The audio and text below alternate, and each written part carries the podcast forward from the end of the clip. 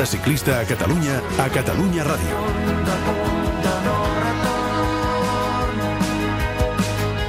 No sé si el nom fa la cosa o la cosa fa el nom, però sí que penso que el ciclisme el fan principalment els ciclistes. Andrea Scron, Rogan Dennis, a la crono, Adam Yates, Esteban Chaves, Lennart Kemna, Peter Sagan i Tomàs de Gen. Són els guanyadors de les set etapes de l'edició 100 de la Volta. Potser més que la Volta del 100 és la Volta del 10. Comencem.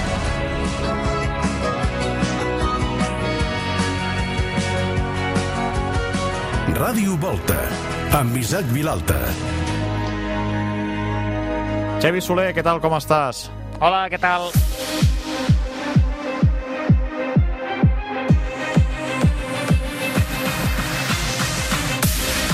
Aquest diumenge, etapa matinera i que per ser l'última no ha estat gens de tràmit.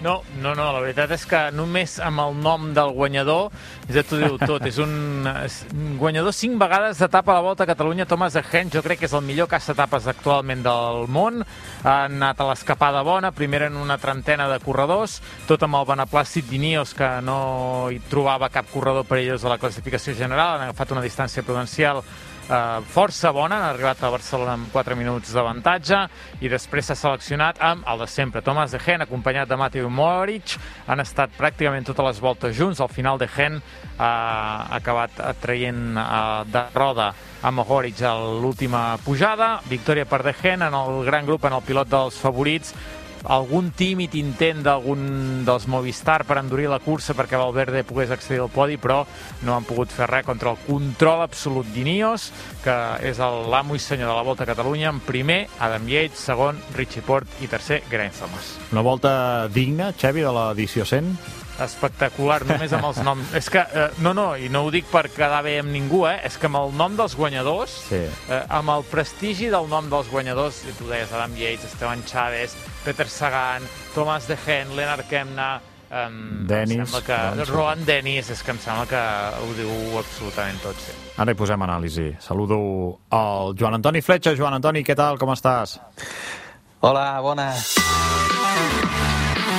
I a tu, que és qui s'ha de mullar, volia preguntar eh, com és que hem vist aquest duel entre dos homes, entre De Gen i Mohoric, a la part final, ells dos es jugaven la victòria, i si Mohoric baixa millor que De Gen, si a cada volta li treia metres al descens, com és que no ha guanyat Mohoric i en canvi s'han portat l'etapa De Gen?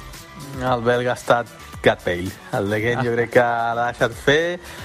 Ha dit, home, que li agrada ensenyar que sap baixar i, bueno, que ho ensenyi. I jo aquí al darrere a veure-ho.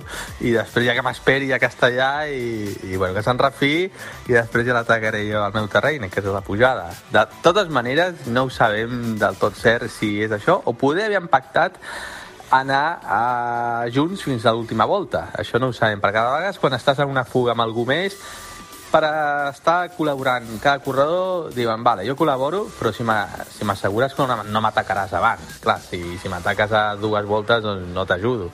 Però ho dubto, perquè normalment aquest tipus d'acords es donen de dir, bueno, estem junts fins a l'esprint. I pel que sembla no, el que, no és el que ha passat. Per tant, jo crec que ha estat més el, el primer, l'experiència del Thomas de Gent, que, bueno, que, que ells han sortit amb aquesta i n'ha fet servir. Això és el que ha passat a l'etapa, però també aprofito per preguntar-te, ja que és l'últim dia, pel que ha passat a la General amb aquest domini total de línies, que no sé si és un avís per eh, navegants, vull dir, la volta és una prova d'una setmana, no sé si el que passa en una volta, en una prova d'una setmana, és extrapolable al que ens podem trobar en voltes de tres setmanes, com el Tour, com el Giro i com la Vuelta, perquè aquest Ineos ha estat molt superior i avui el Jonathan Castro Viejo li explicava al Xevi que una de les claus està en la unitat i el bon ambient de l'equip. I tu ja ho explicaves una mica també al llarg d'aquesta setmana quan parlaves d'allò dels blocs i que aquest any l'equip anglès han, han, han reforçat i han diferenciat els blocs i han reforçat sobretot aquest bloc eh, anglosaxó. Bueno, jo crec que no és un avís no tan sols a navegants, sinó també a especuladors. Hi havia molta gent, articles que, bueno, que, que deien que l'Ineos que en certa manera s'havia era un canvi que ja l'Ineos ja no dominaria i mira aquest any, el 2021 com estan dominant, primer, segon, tercer general no s'ha vist més perquè tampoc han tingut necessitat d'ensenyar-nos més. O sigui, és això, és a dir, eh, les especulacions us han sortit malament. I això és fruit pel que dius, el, el que estàvem parlant aquesta setmana, la importància de la unió, com el Niño s'ha recuperat això, aquest fort, no? Personatges claus, el Rohan Dennis i el Richie Ford, dos corredors d'una personalitat molt forta, anglosaxons, sobretot, però australians, eh, gent dura, que, que no es callen, que no s'amagaran res, que si hi han de dir alguna cosa, ho diran, i això és el que fa pinya. Allà un equip no et pots amagar i s'agraeix molts cops l'honestitat dels corredors i la gent que parla de cara. Per tant, dos corredors experts, que han estat allà forts i que han unificat a Quitinyos, que poder des de la victòria del Bernal s'havia vist una miqueta armada aquesta unificació, per, bueno, perquè vam parlar de, de la victòria del colombià davant del defensor del títol anterior, que era el Geraint Thomas, i això al Galè sembla que no va sentar gaire bé el seu dia. Deia, clar, mm, jo he hagut d'esperar-me molts anys eh, per, per treballar per altres corredors i aquest nano jove se li dona oportunitat a la primera de canvi. Què passa aquí? Doncs, bueno, per sort, això sembla que, que està s'ha solucionat i tothom guanyarà en aquell equip i sobretot l'equip és el que està guanyant. Mm. Un equip que s'ha sapigut eh, refer i retrobar-se. Eh? Aquí podríem aplicar alguns conceptes de mercadotècnia fins i tot. Exacte, pensem que, bueno, se'n diu al màrqueting no molts cops, no? quan en un mercat que hi ha una empresa que lidera pot passar això del parany del capdavanter, no? Estem en un entorn molt competitiu, el ciclisme és un esport, si fem el símil, que són empreses també, hi ha moltíssima competència, i, su, i si tu lideres aquesta, aquest mercat, bueno, en certa manera et refies, dius, bueno, estic liderant, no m'interessa el que estan fent la resta, i la resta, com és el cas del Jambo Visma, poder no tan sols t'està copiant, sinó que t'està millorant el teu producte, i el producte de Línios era aquest tipus, aquesta manera de córrer, de l'strength in numbers que n'hem parlat, d'aquesta sí. fortalesa en pujada, de tenir molts corredors al davant. I és que ho han millorat, la manera que tenia córrer del, del Línies Granadiers i de l'Sky. Llavors sí que en podem parlar, que poder el, la línia es va sofrir una miqueta de patir això del parany del capdavanter, però ara sembla ser que ho tenen molt solucionat.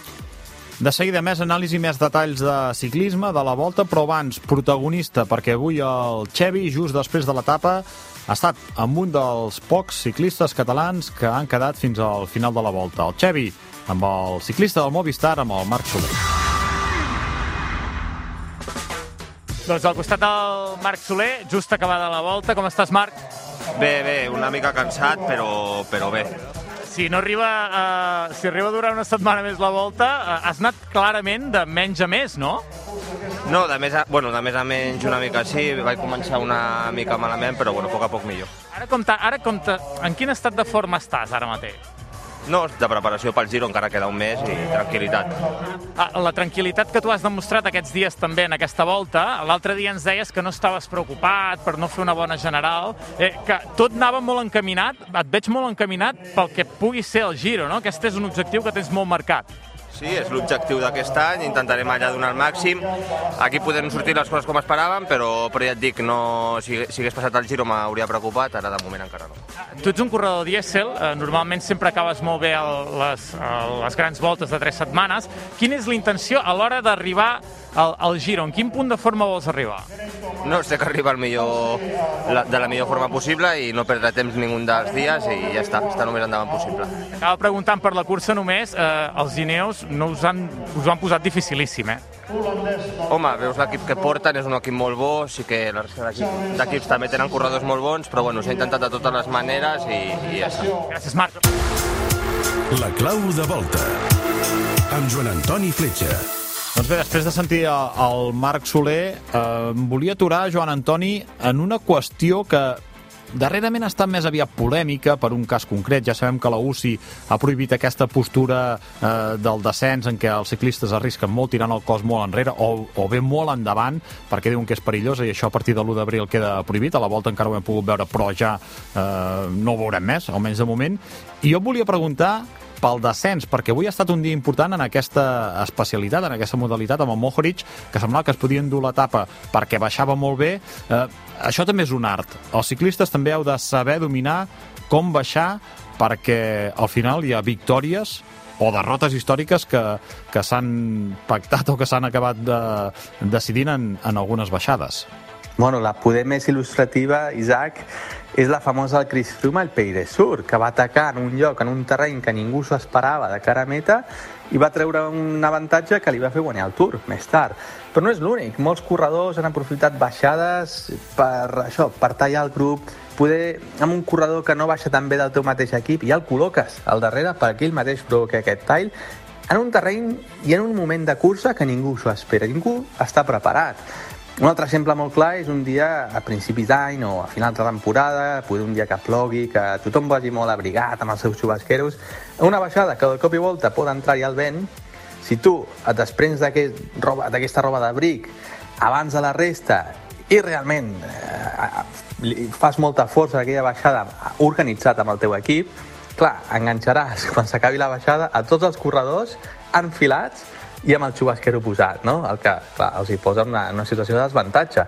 Llavors tu ja estàs preparat per realment tallar el grup i aquí és quan marxes cap al davant i, i guanyes. Llavors, és un lloc on es pot sorprendre més perquè és poc habitual de fer servir aquest terreny. I de vegades, si saps moure bé els teus fils, li treus molt profit.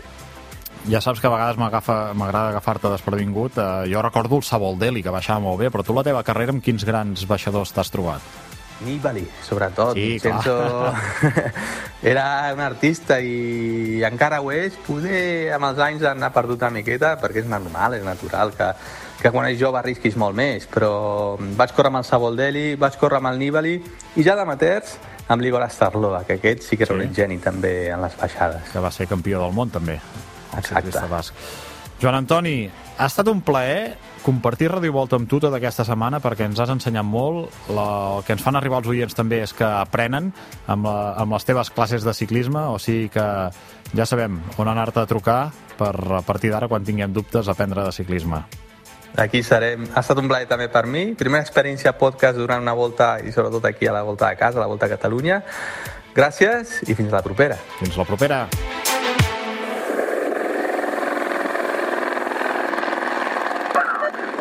Avui busquem l'últim protagonista. Avui tenim una entrevista especial. Bernardo Ruiz va néixer a Oriola l'any 1925, fa gairebé un segle.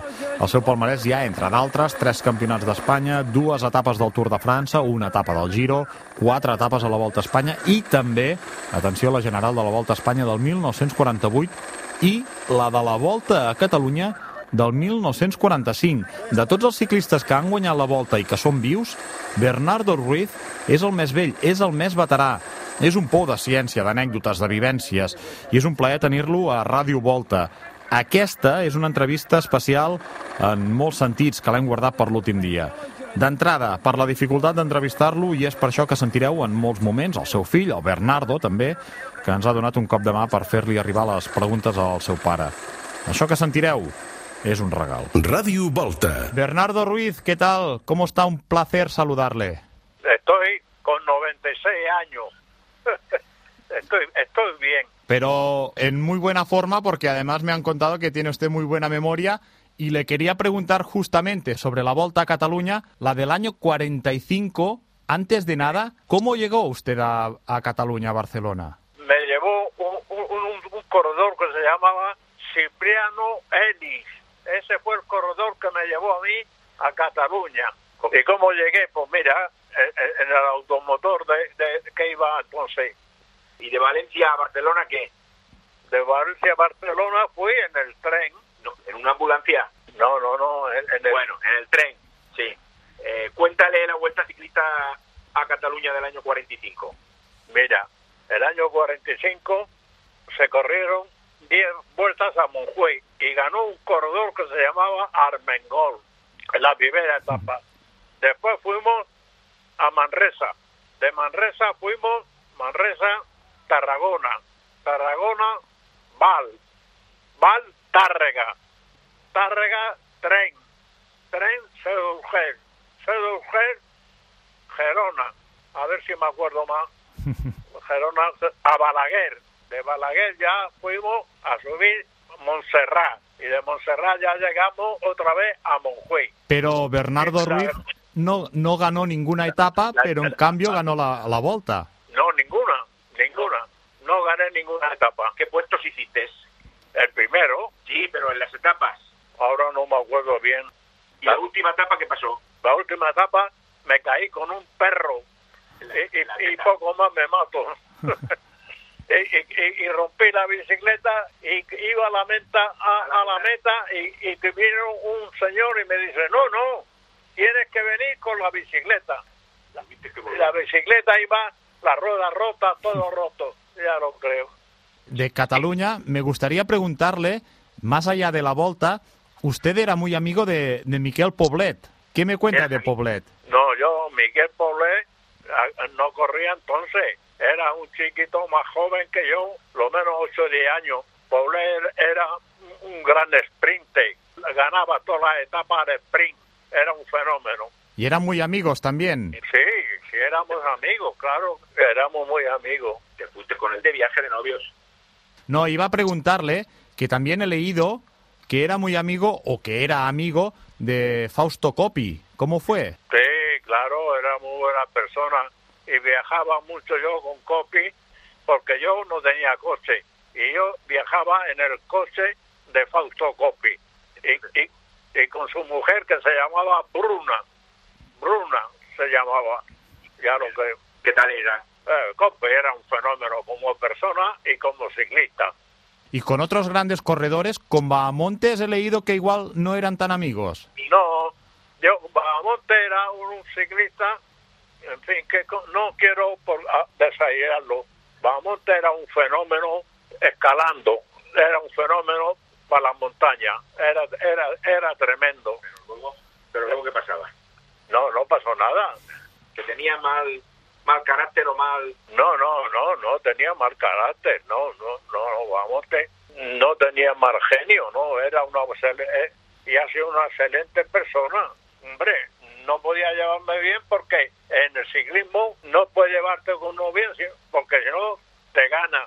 Hay que llevar cuidado con él porque para que no te gane. Y quería preguntarle también, claro, él ganó, además de la Volta, ganó una Vuelta a España, fue campeón de España, ganó etapas en el Giro, en la Vuelta y en el Tour. Yo no sé de todo esto, ¿con qué recuerdo se queda? Cuando gané la Vuelta a Cataluña, Es que fue su primer triunfo. no, Claro. gané ya. Antes había ganado dos vueltas a Valencia con el Frente Juventudes. Pero ya prácticamente cuando te dieron dinero fue con la Vuelta a Cataluña, ¿no? Sí. Pero ¿cuál es tu triunfo preferido, favorito? para mí era la Vuelta a Cataluña. Aquello, Ni el Tour, ni la Vuelta a Cata- ni la Vuelta a España, ni el Giro, ni nada. no, no, lo que más me gustaba era la Vuelta a Cataluña. Eh, nada, le quería agradecer que haga memoria y que nos explique todo esto. Bueno, muchas gracias, caballero. No, Y me alegro de oírte. Y las preguntas que me has hecho están todas muy bien. Muy bien. Vale, muchas gracias, caballero. Un abrazo a los, a los dos Bernardos. Vale, de acuerdo. Gracias a ti.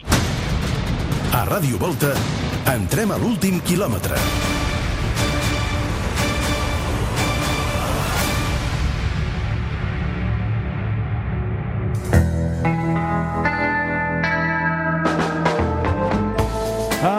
Ernest Macià, ja hem arribat al final. Uah, se m'ha passat rapidíssim aquesta volta i, i Vilalta, imagino que vol dir que això en principi vol dir que ens ho hem passat bé si se m'ha fet curt i el que és més important és que arribem al final amb Radio Volta en plena forma. En això tens tota la raó i t'agraeixo molt que t'hagis vestit de diccionari de butxaca per ajudar-nos a parlar millor de ciclisme en català. Sí, mira. Et mereixes un mallot. Ah, sí? I com que el mallot de la llengua encara no existeix, et regalaré el mallot de campió del Uau. món, el Uh. mallot amb l'arc de Sant Martí, el mallot arc-en-ciel, el mallot arco-iris. Ei, eh, o sigui, perdona un momentet, ens hem passat totes aquestes etapes aquí parlant de la llengua i, i em dius arcoiris? O sigui, tu el que vols regalar-me és el mallot, en tot cas, irisat, que és el mallot de campió del món de color blanc, allà a l'alçada del pit hi ha les franges amb els colors de l'art de Sant Martí. És molt maco, ja me'l quedo, gràcies, uh, i no podria imaginar-me un regal més encertat, però mallot irisat. La Volta Ciclista a Catalunya a Catalunya Ràdio. Xevi, que l'Ernest per fi me'l trec de sobre. El que passa Sí, que em eh, sembla ja s'ha que... acabat, això. Sí, ens, el, ens anirem trobant a la redacció, ja saps que és un home que sí. sempre apareix allà al final del passadís, tranquil, i Sí, sí, sí. te l'acaba fotent. En fi, eh, anècdota de l'últim dia on has parat l'orella. Mira, avui, eh, per fer una mica el balanç de la volta en aquests dies, eh, evidentment tothom està molt content. L'únic problema que ha pogut tenir la volta durant eh, tota aquesta competició va ser just abans, que va ser la renúncia d'un dels equips que hi havia de participar, l'Alpecin Fènix, l'equip de Mathieu Van Der Poel, que és el primer equip de la segona categoria i, eh, per norma, ha d'estar invitat en aquesta volta. Eh, L'equip finalment no s'hi va presentar, van tenir casos de Covid i van eh, excusar-se dient que no podien tenir més estructura com per poder estar en aquesta volta. Ells volen estar a les clàssiques, per exemple, la Gante Belgen que s'ha disputat avui, de fet és el seu objectiu primordial i van renunciar a ser aquesta volta. La decisió no afecta només a la volta esportivament parlant, que també, sinó també econòmicament parlant, perquè el, la volta és el qui s'ha de fer càrrec, doncs, per exemple, dels hotels que no s'han pogut cancel·lar o d'altres despeses que a la volta els hi ha de pagar. Aquesta és una cosa que evidentment no agrada a la volta i també intentaran negociar amb l'equip si ho poden fer a mitges o no, tot i que això dependrà de la bona voluntat de l'equip. I ja que parlem d'equips convidats, eh, una de les coses que no està, mm, vaja, que no agrada gaire és un dels equips que s'ha convidat i a més a més ho han fet segurament renunciant a d'altres que ha pogut provocar polèmica és aquest equip nord-americà del Rally Cycling Sí. que té estructura a Girona, que ho havia demanat ja fa unes temporades i que ja havia d'estar a la volta l'any passat, per tant, l'organització eh, va decidir doncs, eh, premiar-lo amb disputar aquesta volta. Que el seu paper ha estat tan dolent, Sí, tant, realment sí. no s'han no colat ni tan sols escapades, ja no era un equip que es demanava per la general, sinó que eh, és que no han sigut protagonistes per absolutament res. Altres equips modestos, com el Kern Pharma o l'Escaltel, s'han deixat veure tota la volta, però el tema del rally cycling serà molt difícil que se'l torni a convidar eh, no només a, una, a la Volta a Catalunya, sinó a una volta de la, del World Tour, si fa un paper eh, tan, tan dolent com aquest. Els equips Pro Conti, Pro Continental de segona categoria, han d'aprofitar, encara que sigui només per deixar veure el mallot, i el Rally Cycling ha fet una exhibició de no fer res en aquesta volta. Tens tota la raó. Uh, T'anava a preguntar per l'etapa de demà, però clar, ja no, ten, ja no La tenim etapa. eh? Uh, sí, però... L'etapa de demà serà dormir moltes hores. Ah, t'anava a dir, potser sortiràs a, a pedalar, tu. Home, i tant. Eh, ho trobo a faltar aquesta setmana. Eh, pot sortir molt poquet i eh, encara que sigui una horeta i mitja, sí, sí. Vallter, demà? No, no. Vallter, Vallter eh, de cara avall, com a molt. De moment, de cara amunt, no. El que sí que podràs fer és dormir a casa ben tranquil, que, que com el teu llit no... eh, Com al llit d'un mateix eh, no hi ha res al món, eh? Correcte, correcte. Xevi, moltíssimes gràcies per la feinada d'aquesta setmana. Una abraçada forta. Vinga, acomiadem el Xevi. Jo em quedo amb l'Itúrria i atenció amb el convidat d'avui o la història que ens explicarà avui perquè ens parlarà d'un amic íntim justament del Bernardo Ruiz, de l'home que ha guanyat més etapes en tota la història de la Volta. Posem-nos drets del gran Miquel Poblet. Poblet aconsegueix 214 victòries a la seva carrera esportiva. Entre aquestes podem destacar el triomf a la Milà-San Remo els anys 57 i 59. També és el primer corredor de l'estat espanyol que guanya etapes del Tour, el Giro i la Vuelta el mateix any. I hores d'ara encara és l'únic català que ha vestit el mallot groc de la ronda francesa, on també presumia d'haver coronat primer el Tourmalet. Si ens centrem en la seva presència a la volta, cal dir d'entrada que encapçala la classificació de victòries d'etapa, amb 33, seguit a molta distància per Mariano Cañardo, amb 21. A més, també guanya la cursa dos cops, el 1954 i el 1960. El primer, gràcies a les bonificacions. Poblet va bonificar gairebé 6 minuts. El 1960 ho fa amb 3 minuts 56 segons sobre Pérez Francés. El pitjor moment, curiosament, va ser just al creuar la meta de l'última etapa. S'emporta pel davant els càmeres de televisió i del Nodo, però això no impedeix que pugi al podi. Un cop ja retirat, Miquel Poblet també presideix l'entitat organitzadora de la Volta i va ser el director de cursa. El 2007, Montcada i Reixac, on va néixer i on va viure, li posa el seu nom al Palau d'Esports, en un acte padrinat per Miguel Indurany. Mor el 2013 i l'any següent la volta el recorda amb un esprint especial a cada etapa que porta el seu nom. El guanyador vesteix amb un jersei especial de tons roses, el seu color preferit, i una reproducció d'una fotografia històrica de Paco Alguersuari, on es veu Miquel Poblet, al Giro d'Itàlia, aixecant una roda que havia punxat. Ràdio Volta, amb Isaac Vilalta. Després d'un pròleg i set etapes de Ràdio Volta, hem treballat, hem patit, però hem arribat al final. Avui ens sentim com si fóssim ciclistes que han acabat la volta i l'han guanyat perquè ens heu acompanyat. I perquè, com he dit, cada dia tenim un equip ple de líders, el Xevi, el Fletxa, l'Ernest, l'Iturria, el Ricard Luque i tota la gent de Catalunya Ràdio que ens ha acompanyat portant-nos els bidons, protegint-nos del vent o llançant-nos l'esprint. Quan vam arrencar, vam fer referència a aquell 1911, l'any de la primera volta, quan la ràdio era tot just un invent en fase experimental. Avui ho deixem amb la volta del 2021, que ja és història, i quan la ràdio ha entrat de ple en una nova fase. Que bé ens ho hem passat fent aquest podcast. Ha estat un plaer.